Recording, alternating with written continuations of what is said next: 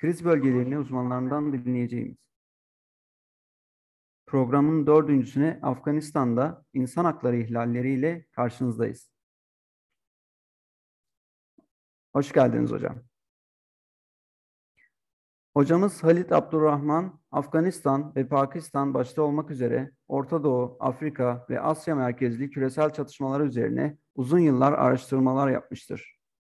Savaş araştırmaları ve bölgesel çatışma konularında uzman olan Halit Abdurrahman halen MECPA News'in e, genel yayın yönetmenliğini yürütmekte, çeşitli medya kurumları ve araştırma vakıflarında ilgili konularda danışmanlık yapmaktadır. Hoş geldiniz hocam. İsterseniz yavaştan geçebiliriz.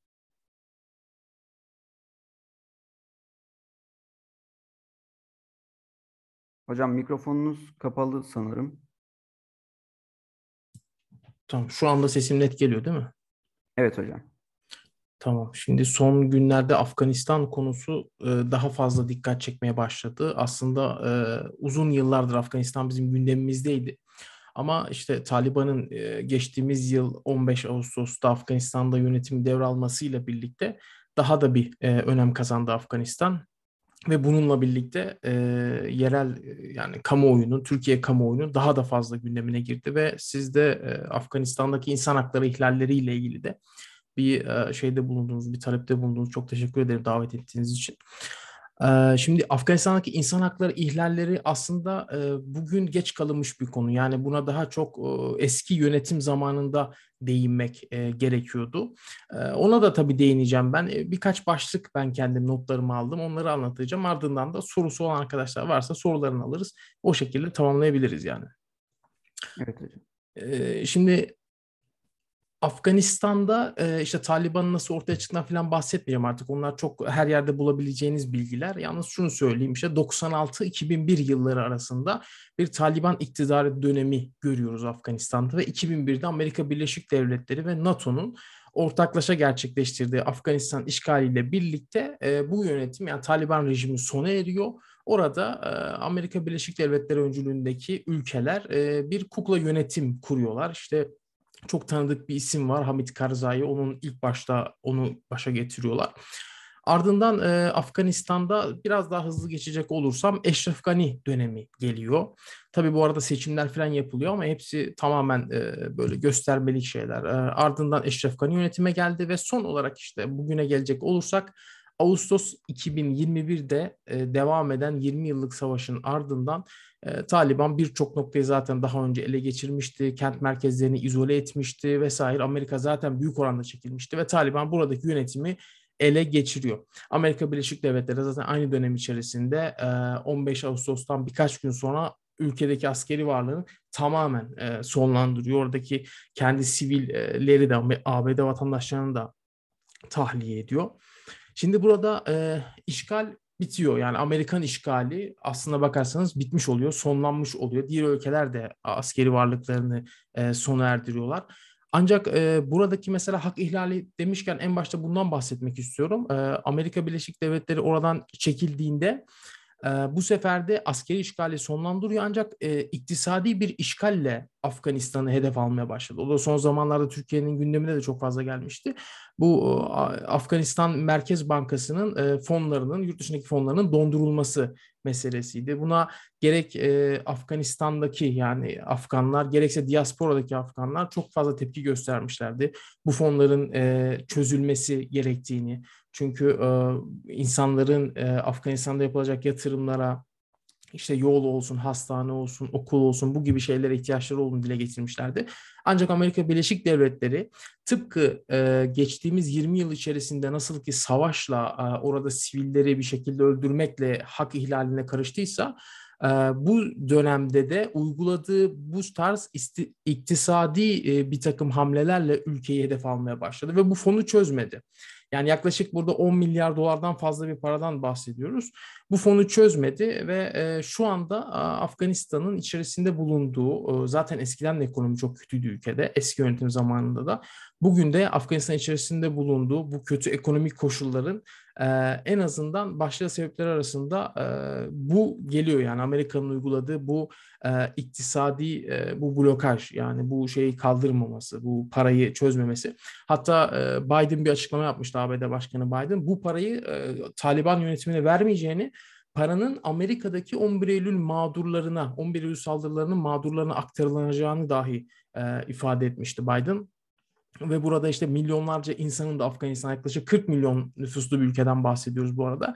Milyonlarca insanın da açlık ve e, hastalıklardan ölüme mahkum edilmesinin e, bir şekilde meşru görüldüğünü biz burada görüyoruz. Yani hak ihlali demişken hak ihlali kime ve neye göre yani bunu kimin nasıl tanımladığı da oldukça önemli. Yani bugüne kadar Afganistan'la ilgili dinlediğimiz her şey e, tamamen e, karşı tarafın yani daha çok hep e, avcının hikayeleri, avcının hikayeleri dinlendi. Yani e, hiçbir zaman e, yani avlanan tarafın e, yani öyle bir şey var ya e, işte aslandan dinlenildi, pardon avcıdan dinlenildi. Kimse aslanı dinlemedi. Hani böyle bir benzetme var.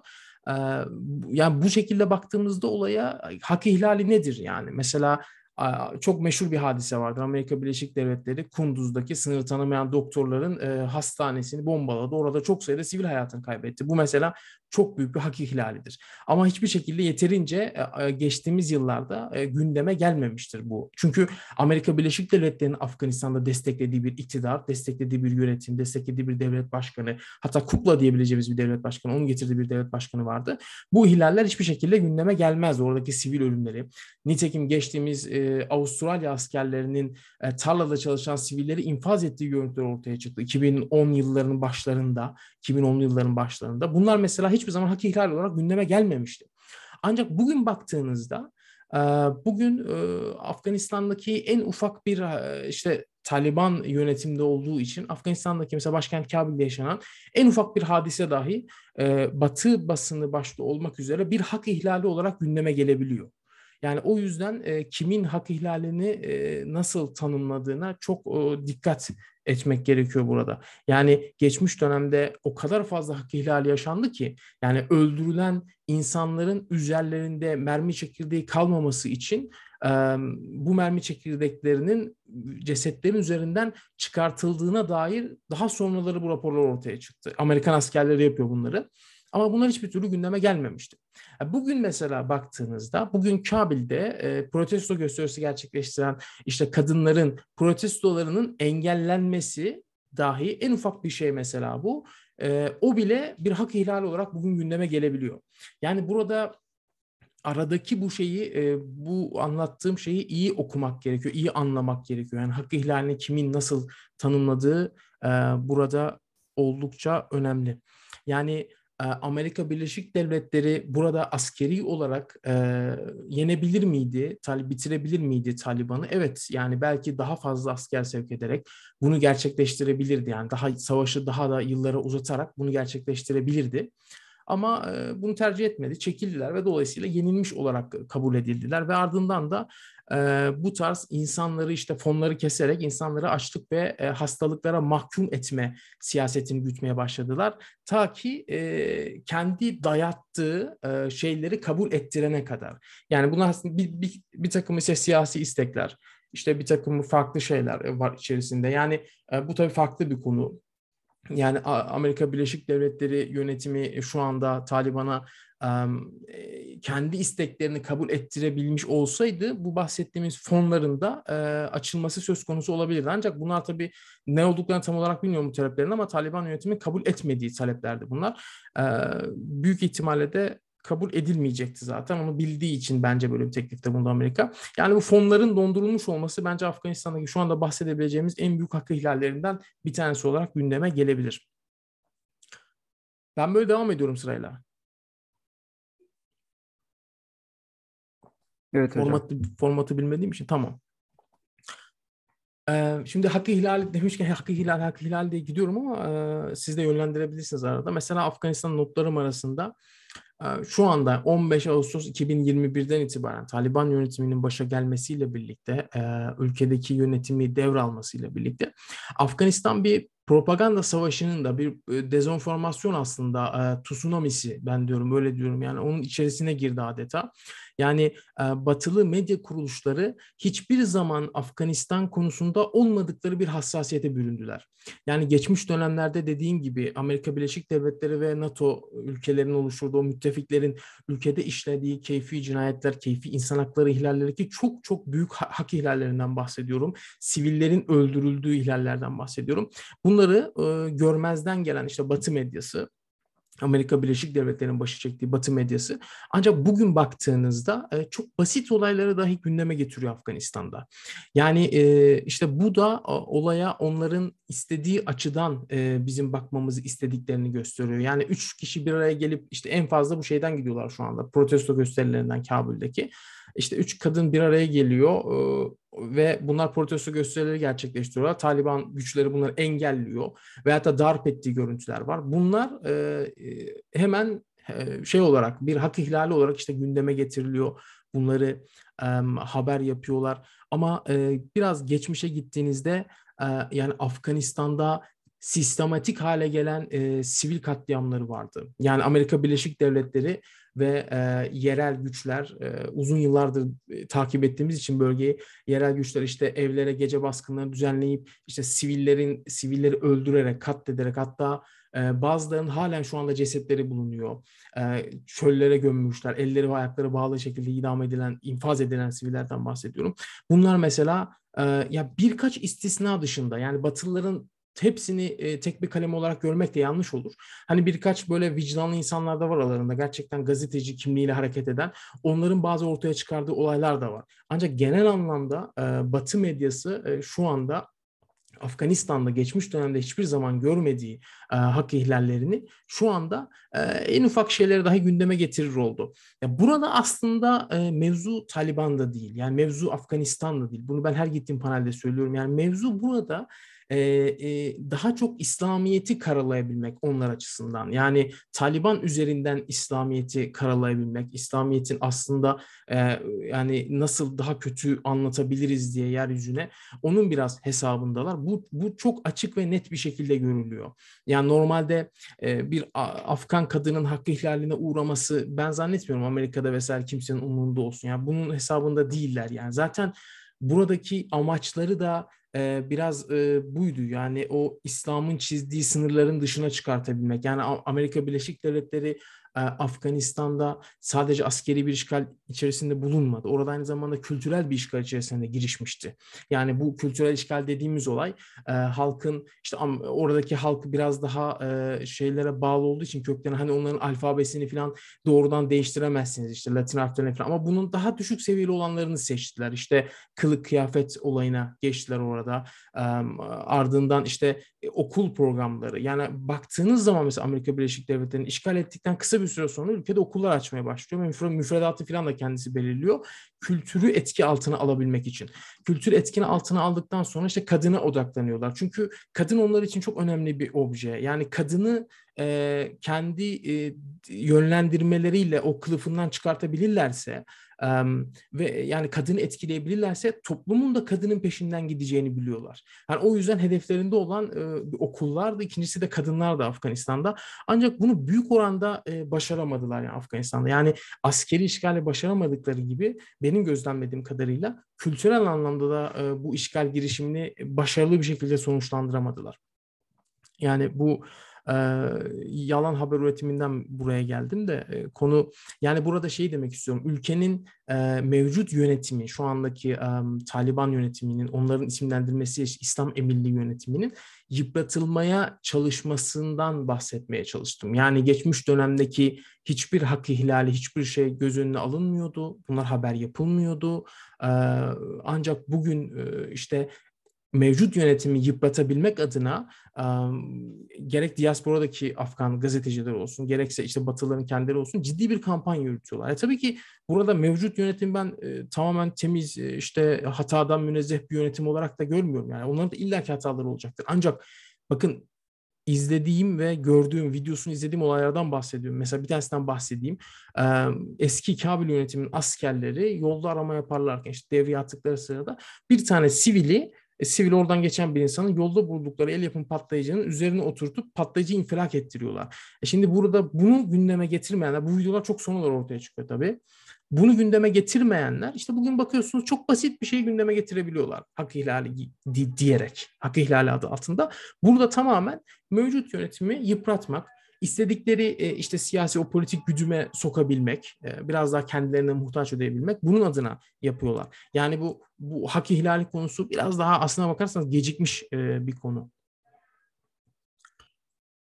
Bunun ardından diğer bir notum ülkede yani şu anda baktığınızda yeni savaştan yeni çıkmış işte o 50 yıldır neredeyse 50 yıldır tabii devam eden ülkede bir savaş ortamı vardı ve bu savaş ortamından e, yeni çıkmış bir e, ülke var ve yorgun bir ülkeden bahsediyoruz.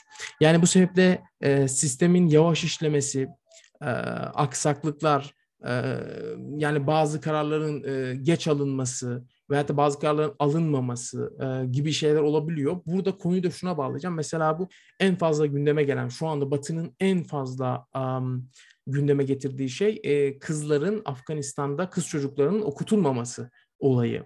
Yani kız çocuklar okula gönderilmiyor. Bu bir hak ihlali olarak bunu lanse ediyorlar. E şimdi e, Afganistan'da dediğim gibi e, başlangıçta da söyledim. Afganistan'daki okullar ve müfredatlar tamamen Amerika Birleşik Devletleri'nin gözetimi altında e, oluşturulmuştu. Ve e, Taliban yönetimi zaten bunu kabul etmiyordu. Ve e, şu ana kadar 6 ile 12. sınıflar arasındaki kız okullarını belli bir müddet kapatmışlardı. Bunu kapatmalarının nedeni de e, kıyafetler dolayısıyla. Kıyafetleri kendilerine uygun bulmamışlardı. Ve şu anda bazı vilayetlerde açmaya başladılar mesela bunu. Bu kız okullarının işte kıyafetleri gözden geçirdiklerini söylediler. Sınıflara ayırdılar kadın erkek kız erkek olarak. Ancak burada şöyle bir sorun da ortaya çıktı. Kadın öğretmen e, eksikliği sorunu ortaya çıktı burada da. Yani ülkede çünkü memurlar falan ülkeyi terk etmişti Taliban yönetimi devraldığında. Şu anda yavaş yavaş gerçi gelmeye başladılar ama o şu anda büyük bir eksiklik mesela öğretmenler işte yaşlı erkek öğretmen e, aradılar bir ara kız okulları için. Ancak onu da tam olarak tamamlayamadılar. Dolayısıyla bulabildikleri kadar öğretmenle şu anda belli vilayetlerde okulları açmış durumdalar. Ama tabii ki bu da Batı açısından baktığınızda onları onlar için söylüyorum. Yani ciddi bir hak ihlali olduğundan bahsediyorlar. Yani burada dediğim gibi gene başa sürekli tekrar düşmek istemiyorum ama yani daha kötü olaylar oluyordu Afganistan'da. Bunlar hiçbir zaman gündeme getirilmiyordu. Mesela sürekli bir insani kriz vardı Afganistan'da. Aç insanlar vardı, açlıktan ölmek üzere olan insanlar vardı. Bunlar hiçbir şekilde gündeme getirilmiyordu. Ama şu anda baktığınızda en ufak bir şey dahi mevcut yönetimi yıpratmak, onu biraz daha işte güdüme çekebilmek açısından şey yapılabiliyor, gündeme getirilebiliyor. Bir diğer benim aldığım notlar arasında kadınların çalıştırılmadığına dair yine kadınlar üzerinden. Bu kadınları yani Afganistan, Afgan kadınların ülkedeki bir de şurada şöyle bir tırnak açayım, bir parantez açıp şunu belirteyim. Afganistan nüfusunun yaklaşık 40 milyon nüfusun %70 yaklaşık %80'i 80 diyebiliriz hatta kırsalda yaşıyor. Yani şehirde çok az bir nüfus var. %80'i kırsalda yaşıyor. %10'luk bir kesiminin %10-12'lik bir kesiminin e, şehirlerde yaşadığı kalan kısmında göçebe olduğu yani işte sıcak havalarda e, kuzeye çıkıyorlar yaz e, soğuk havalarda güneye iniyorlar. Göç, göçer olarak yaşayan halklardan bahsediyoruz. %10'unda bunların oluşturduğu işte kalan kısmı o ifade ediyor. Hani bu yüzden e, Kabil mesela kentinde e, 3-5 tane kadın toplanıp bir gösteri yaptıklarında bunu Batı medyasında hemen görüyoruz işte Afgan kadınları ayaklandı falan diye ve ben bunu özellikle takip ettiğimde sürekli olarak gösteri yapan kadınların aynı kadınlar olduğunu görmeye başlamıştık. bu da işte biraz daha planlı bir şey dezenformasyon çalışması, planlı bir anti propaganda çalışması yapıldığını e, bize göstermişti. İşte kadınların çalıştırılmadığı ve en son mesela bu başörtü şeyi bir bildiri yayınlandı. Kadınların erkeklerle yüz yüze geldiklerini yüzlerini örtmesi gerektiğine yönelik bir bildiri yayınlanmıştı. Afganistan'daki mevcut yönetim tarafından. Mesela burada o bildirinin içerisinde burka kelimesi geçmemesine karşın burada işte Türk medyasından da birilerinin dahil olduğu şeyler burada tabii İngiltere'de biraz başı çekiyor BBC. Burka mecburiyetini geri getirdi dedi e, mesela bu şey için um, Taliban yönetimi için. Bu da mesela öyle bir ifade geçmiyordu. Kaldı ki bugün mesela Afganistan'a baktığınızda kentlerine baktığınızda işte başkente falan diğer e, işte Mezar-ı Şerif olsun, Engarhar olsun o bölgelere baktığınızda e, sokakta kadınların normal e, kıyafetleriyle e, işte yüzleri açık bir şekilde de gezdiğini e, görebiliyorsunuz. Yani öyle bir burka zorunluluğu gibi bir şey de şu anda e, zorunlu kılınmış değil. En azından şu an için e, konuşuyorsak bu böyle. Burada işte kadınların çalışabilirliği var. Kadınlar şu anda mesela çalışmaya devam ediyorlar. Bunu ilk başta denedi Batı medyası. Kadınların çalışmayacağını, işe alınmayacağını falan söylediler. Ancak çok kısa bir süre sonra işte Taliban'ın hastanelerde kadın hemşireleri çalıştığına dair işte görüntüler servis etmesi falan. Batı'nın bu tezi de çürüdü. Ardından işte kadınların daha güvenli bir şekilde sokakta gezdiğine dair oradaki bazı röportajlar gündeme geldi. Bunlar da bu şekilde bu Batı propagandasını biraz daha etkisiz hale getirme çalışmalarıydı. Bunların içerisinde Afganlar da vardı. Yalnız sadece Taliban değil. Yani ben burada Taliban'dan bahsetmiyorum. YouTuber'lar var işte Afganistan'daki günlük yaşamı YouTube ortamına aktarmaya çalışan insanlar var. Onlar mesela kendileri de bahsediyorlar yani günlük yaşamdan falan hiçbir şekilde sekteye uğramadığını, işte güvenli bir ortam oluştuğunu, hırsızlığın azaldığını falan filan bunlardan bahsediyorlar. İşte işgal döneminin aksine orada daha güvenli bir ortam olduğundan filan bahsediyor. Oradaki benim edindiğim izlenimler en azından bu şekilde. Burada işte kadınların kadınlara yönelik özel bir takım tanınmış haklar olduğu Taliban şey, döneminde şu anda mesela işte bunlar kadın ve çocuklara tahsis edilmiş parklar, alanlar, özel işte belli saate kadar erkekler, belli saate kadar kadınlar falan bu tarz bir şey. Bir de bunlardan bahsederken bunları anlayabilmek için yani bölgenin sosyolojisini de bilmek gerekiyor. Yani işte mesela orada velev ki burka zorunlu olsun oldu diyelim. Yani o burka oranın yerel bir kıyafeti sayılıyor. Hani öyle söyleyeyim. Yani şimdi mesela Türkiye'de burka çok garip geliyor tabii ki. Ama insanlar orayı eleştirirken Afganistan'la ilgili hiçbir şey bilmiyorlar. Bilmeden de eleştiriyorlar. Yani bir bölgeyi bölge hakkında bir şey söyleyebilmek için bu, bu şekilde sert eleştirilerde bulunabilmek için en azından öyle söyleyeyim. O bölgeyi tanımak gerekiyor. O bölgenin sosyolojisini, yaşam tarzını, o geleneklerini az da olsa bilmek gerekiyor ki doğru bir şekilde bir eleştiri yapılabilsin. Ama bu olmuyor yani. Bakıyorsunuz işte Türk medyasına hiçbir alakası olmayanlar bölgeyle ilgili. Yani haritadan belki göster deseniz doğru düzgün ülkenin yerini gösteremeyecek insanlar şey yapıyorlar. Yani Taliban üzerinden dediğim gibi yeniden işte o İslam'a olan e, kinlerini e, kusmaya başlıyorlar. Bu tam olarak böyle yani bu konuda ben e, böyle düşünüyorum çünkü gördüğüm buydu yani gerçekten. Özellikle Türk medyasında da bu çok vardı. Türkiye medyasında. Evet, e, bu notu da geçmişim. Bir de e, hak ihlali demişken şu konuyu da aslında açmak lazım. E, geçmiş yönetimde e, yolsuzluklar çok fazlaydı işte aralarında Türkiye'nin de olduğu birçok ülke milyarlarca dolar yardım gönderiyordu yıllık olarak Afganistan'a. Bunları işte Afgan halkına gönderiyordu aslında. Yani halkın daha iyi bir işte sağlık imkanına ulaşabilmesi, daha iyi okullarda eğitim görebilmesi, yollar olması, altyapı vesaire gibi şeyler için ülkeye gönderiliyordu. Ancak Taliban'ın yönetimi ele geçirmesi Afganistan'da, Taliban'ın yönetimi devralması bize şeyi de ortaya koydu bu gönderilen paraların aslında nerelerde kullanıldığını. Yani bugün mesela baktığınız zaman işte Raşit Dostum'u mesela Türkiye'nin çok çok yakından tanıdığı bir figürdür kendisi. Özbek asıllı Afgan savaş ağlarından. işte sarayları ortaya çıktı mesela. Kendi bölgesi olan Cevizcan'da olsun. işte diğer Kabul'de mesela kaldığı saraylar ortaya çıktı. Yani Afgan halkının göremeyeceği bir şatafattı bunlar. Yani hatta bir tanesi New York Times'ın bir tanesi haberi videosu vardı. Orada Afgan bir çocuk mesela anlatıyor içeri işte sarayın içine giriyorlar. Ben diyor böyle bir şey ilk defa burada gördüm diyor ve bahsettiği şey de böyle hamam ya sauna gibi bir şey. Yani kendi sarayını onu da yaptırmış ama halktan kimse bunu görmemiş. Yani Afganistan'da baktığınızda e, insanlar yani ekmek bulamıyorlar belki yemeye. Bu geçmiş yönetimde de böyleydi. Bugün de var hala. Ekmek fırınlarının önünde e, ekmek bekleyen, bedavadan ekmek dilenen insanlar var yani.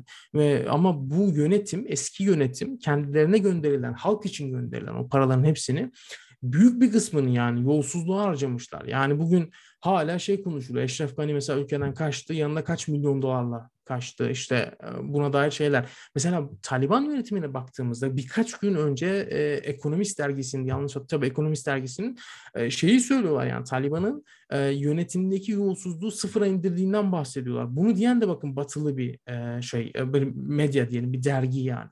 E, bu ondan bahsediyor. Şu anda mesela yolsuzluk olmadığından sıfıra indirdiğinden e, bahsediyor. Dolayısıyla bu en azından şimdilik böyle. Tabii ileride ne olur bilemeyiz yani. Ama Kabil yönetiminin e, sivil sivilleri Amerika Birleşik Devletleri ve öncümdeki yabancı güçlerle birlikte ülkedeki sivilleri öldürmesinden sonraki en büyük insan hakları ihlali bence e, Afgan halkı için gönderilen paraları zimmetine geçirmesiydi o isimlerin.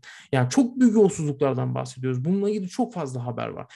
Ve bunlar da bu yolsuzluklar da hiçbir zaman Batı basını tarafından gündeme getirilmedi. Bunlar da bir hak ihlaliydi tabii ki. Ama e, dediğim gibi bugün mesela e, en ufak bir şey Afganistan'da gündeme gelebiliyor. Yani bir ya çok basit şeyler yani. Bir Taliban savaşçısı sokakta mesela halkın bir tanesine tokat atsın. Bu tabii ki tasvip ettiğimiz bir olay değil. Ama bir tokatı dahi hemen gündeme geliyor.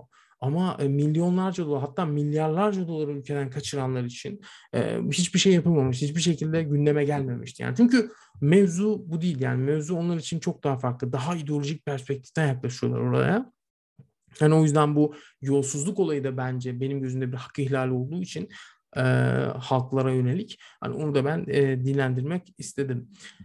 Bu arada işte Batı basınının e, ortaya attığı iddialarda arasında şey de vardı. Ülkede Çin ve Rusya'nın etkinliği ele alacağı. Mesela Çin'in etkinliği ele alacağı ile ilgili çok fazla spekülasyon yapıldı. Mesela bunlar arasında Uygur Türklerinin, ülkedeki Uygur Türklerinin Çin'e iade edileceği yönünde şeyler vardı. İşte Kabil'de Uygur Türk oturuyor dediler, aileleri alıyorlar, Çin'e iade ediyor dediler. Yani böyle biz böyle bilgiye ulaşamadık mesela. Sonradan zaten doğrulanamadı böyle bir şeyler. Ama e, baktığınız zaman bunu gene Türkiye'deki medya da gündeme getirmişti. İşte Uygur Türklerinin şeye iade edilmesi, e, Çin'e iade edilecek falan. Bunlar olmadı mesela. Bu da e, ortaya atılan e, iddialar arasındaydı. İşte Çin, e, işte ülkede şu anda çok ciddi bir altyapı var ve Çin gerçekten e, yani bunlara konmanın e, derdinde bu altyapı. Yani bu madenleri keşfi ayrı bir olay, e, işte çıkartılması ve onun işlenmesi ayrı olaylar ve e, çok yüksek oranda madenden bahsediyoruz Afganistan'da.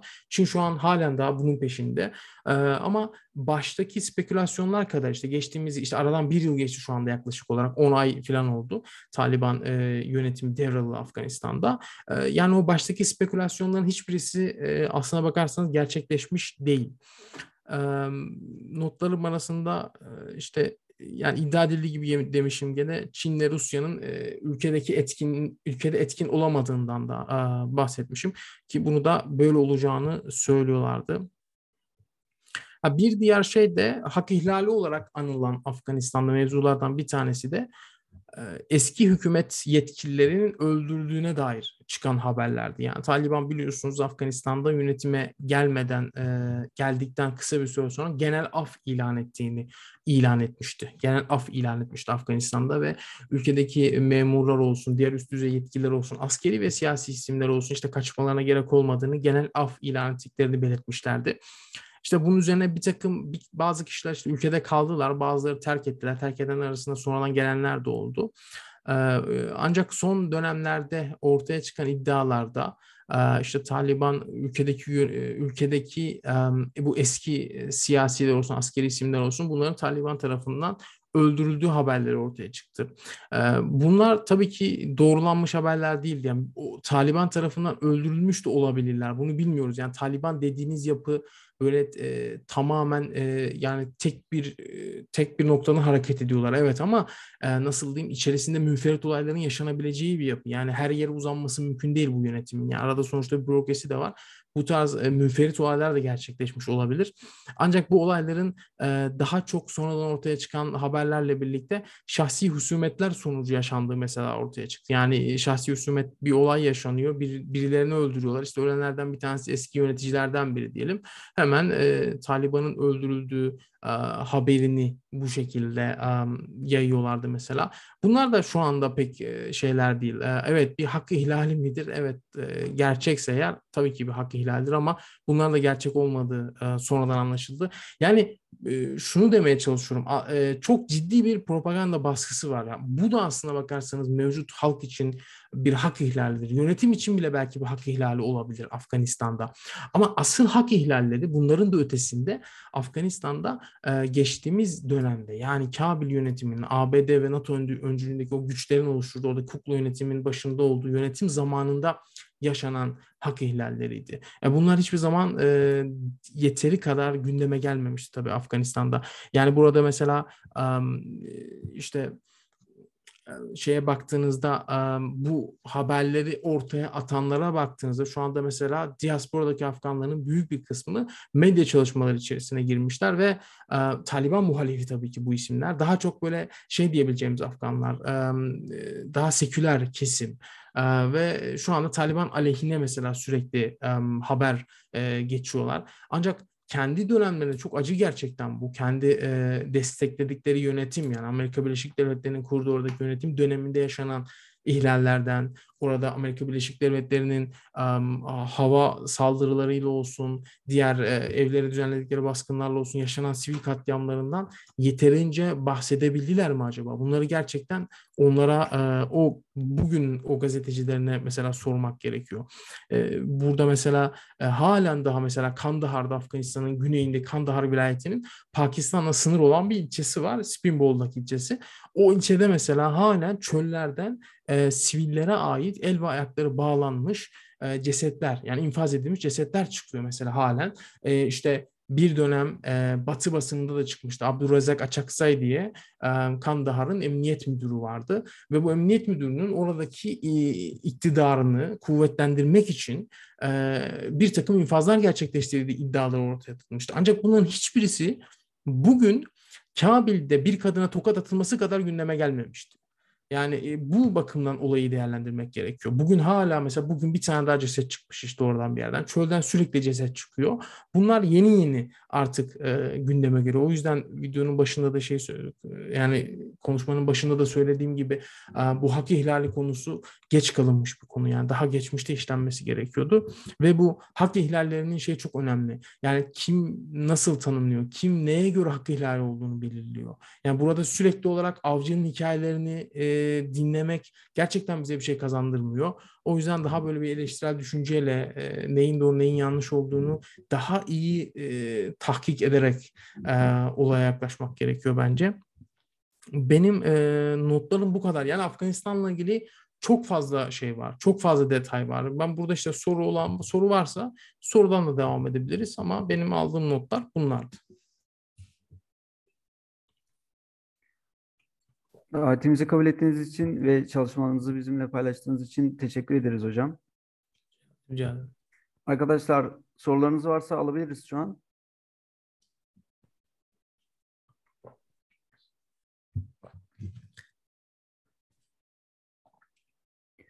Hocam Taliban ne kadar güvenilirdir diye bir soru gelmiş. Valla yani onu bilmiyorum o kadar cevaplayamam ama e, yani nasıl diyeyim burada bir yıldır şu an ülkeyi yöneten bir Taliban'dan bahsediyoruz ve şu anki yönetimi orada baktığınız zaman bir beğeni halkın teveccühünü kazanmış durumda. Çünkü şu anda halka hizmet eden işte yol yapan vesaire Taliban'dan bahsediyoruz. Geçmiş dönemde böyle bir şey yoktu. Yani geçmiş dönemde dediğim gibi yolsuzluklar çok fazlaydı. O yüzden şu anda bir teveccüh var halk tarafından ama bu ilerleyen dönemlerde nasıl olur? Güvenilir midir, değil midir? Bu biraz da bakış açınıza bağlı. bu ilerleyen dönemlerde Taliban iktidarının devam ettiği dönemlerde daha da netleşecektir bence bu. Hocam bir de kitap önerisi ve Af- Afganistan'ın tarihini hangi kitaptan okuyabiliriz? Ya bunu bana bir liste var bende. Bunu mail atabilirlerse benim profilimde sosyal medya hesabımda mail adresim var. Oraya mail atarlarsa bir liste var. Ben hemen onu atıyorum. O şekilde yapabiliriz kitap tavsiyesi, video falan. Yani varsa şu an maili yazabilirsiniz arkadaşlar. Sohbet kısmına. Ya şu bana şu mail adresine mail atabilirlerse bak ben de yazayım. Ee, bakalım buradan. Yani buradan evet. Hocam başka bir soru daha var. Hı hı. Taliban hakiki şeriatı uygulamayı mı hedefliyor? E, şimdi e, baktığınız zaman Evet, yani kendileri bunu söylüyorlar. Yani ülkede İslami bir yönetim, İslami bir rejim kurmayı hedeflediklerini söylüyorlar. Ancak burada tabii yine bu benim de uzmanlığımın dışında yani İslam şeriatı denildiğinde ne anlaşılıyor? Oradaki yönetim biraz daha detaylı şey yapmak gerekiyor, incelemek gerekiyor. Ama kendi söylemlerine baktığımız zaman İslami bir yönetim kurmayı ve bu uğurda ne gerekirse yapacaklarını kendileri ifade ediyorlar.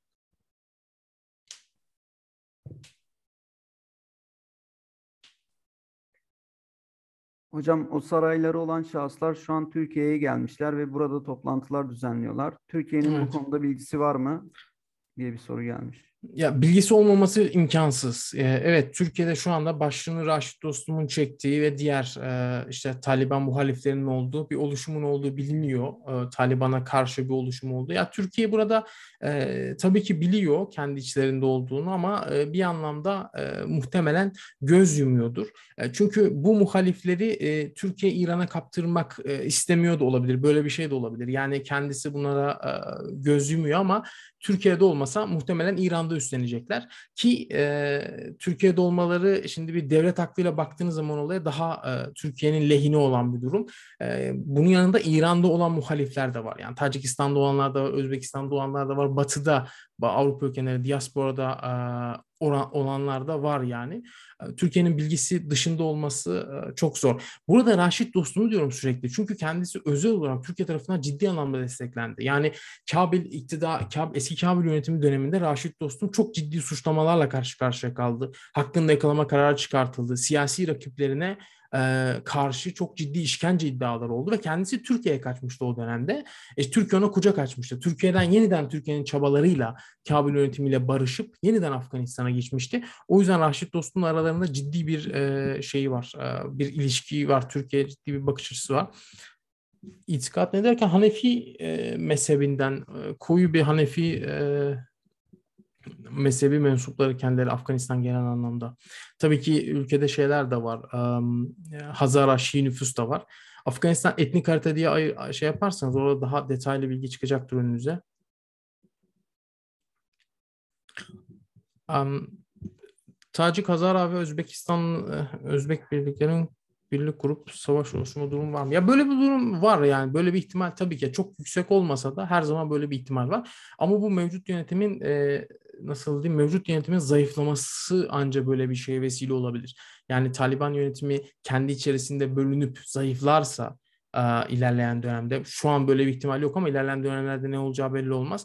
O zaman ülkedeki diğer işte etnik unsurlar da bir araya gelip Taliban'a karşı savaşabilirler.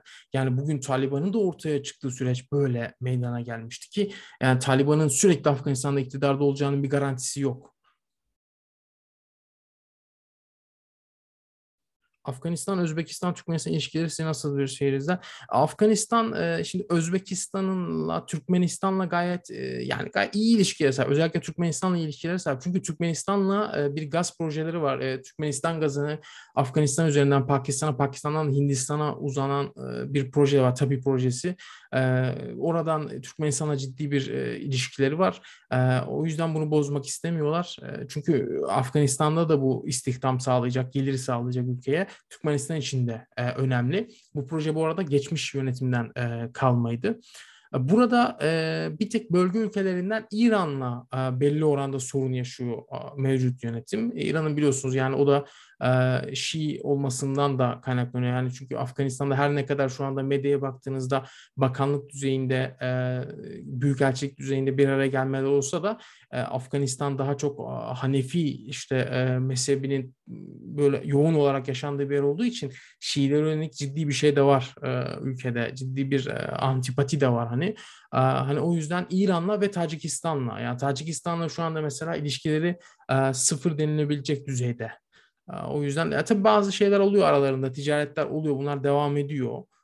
İşte özellikle elektriğe de bağımlı bir ülke Afganistan. Yani elektriği de dışarıdan ithal ediyorlar. Bunlar arasında yanlış hatırlamıyorsam Tacikistan'dan da elektrik alıyorlardı. Hani bu tarz ilişkileri var ama diplomatik anlamda Tacikistan'la sıfır.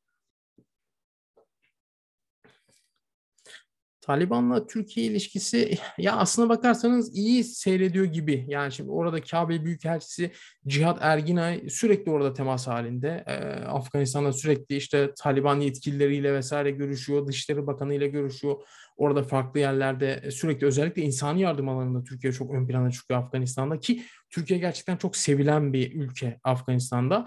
Ee, ama tanıma anlamına gelindi yani diplomatik anlama baktığın zaman henüz tanımış değil ilk tanıyan ülkede olmayacak gibi görünüyor Türkiye. Ee, işte nasıl olacağı biraz daha ilerleyen dönemlerde yani şu ilk yılını atlattıktan sonra belki başka bir ülke tanırsa e, Türkiye'de ondan sonra e, bu şekilde bir şey olabilir. Çünkü Türkiye'de her ne kadar tanımasa da e, işte büyükelçilikleri yanlış hatırlamıyorsam tabii Ankara'daki büyükelçiliği Taliban'a Taliban'ın temsilcisine devretmişti. Ama herhangi bir resmi tanımı olmadı. Hmm tane daha soru var sanki. Onu mu kaçırdım? Hı.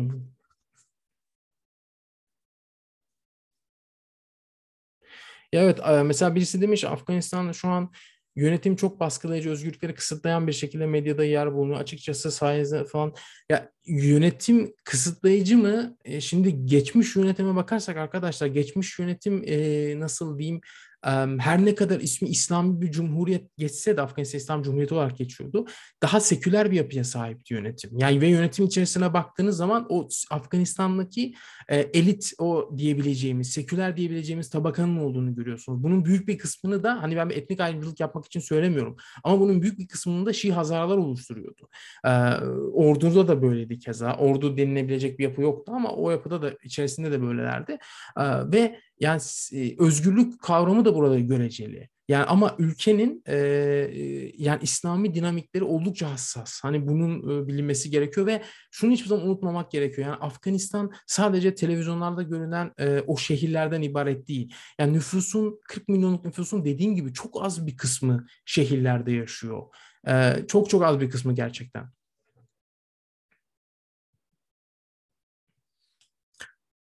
E, fon sağlayan bir kuruluş, Taliban'a fon sağlayan bir kuruluş veya ülke var mı? E, fon sağlayan bir kuruluş şimdi bu şeye göre değişiyor. Belli projeler oluyor. Mesela bir baraj projesi var. Buna fon sağlayan ülkeler oluyor. Evet.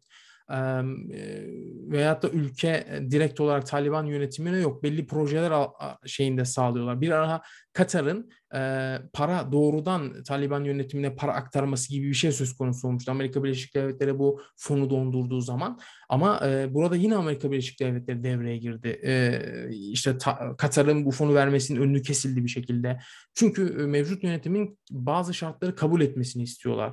Yani mesela bu en başta da şey geliyor yani kadın konusu geliyor. Yani e, Batı'nın kadın hakları dediği şeyi e, oradaki yani mevcut yönetime ciddi anlamda dayatmaya çalışıyorlar. Bu da e, işte şeyin başında e, bu söyleşinin başında ifade ettiğim şeylerle de ilgili.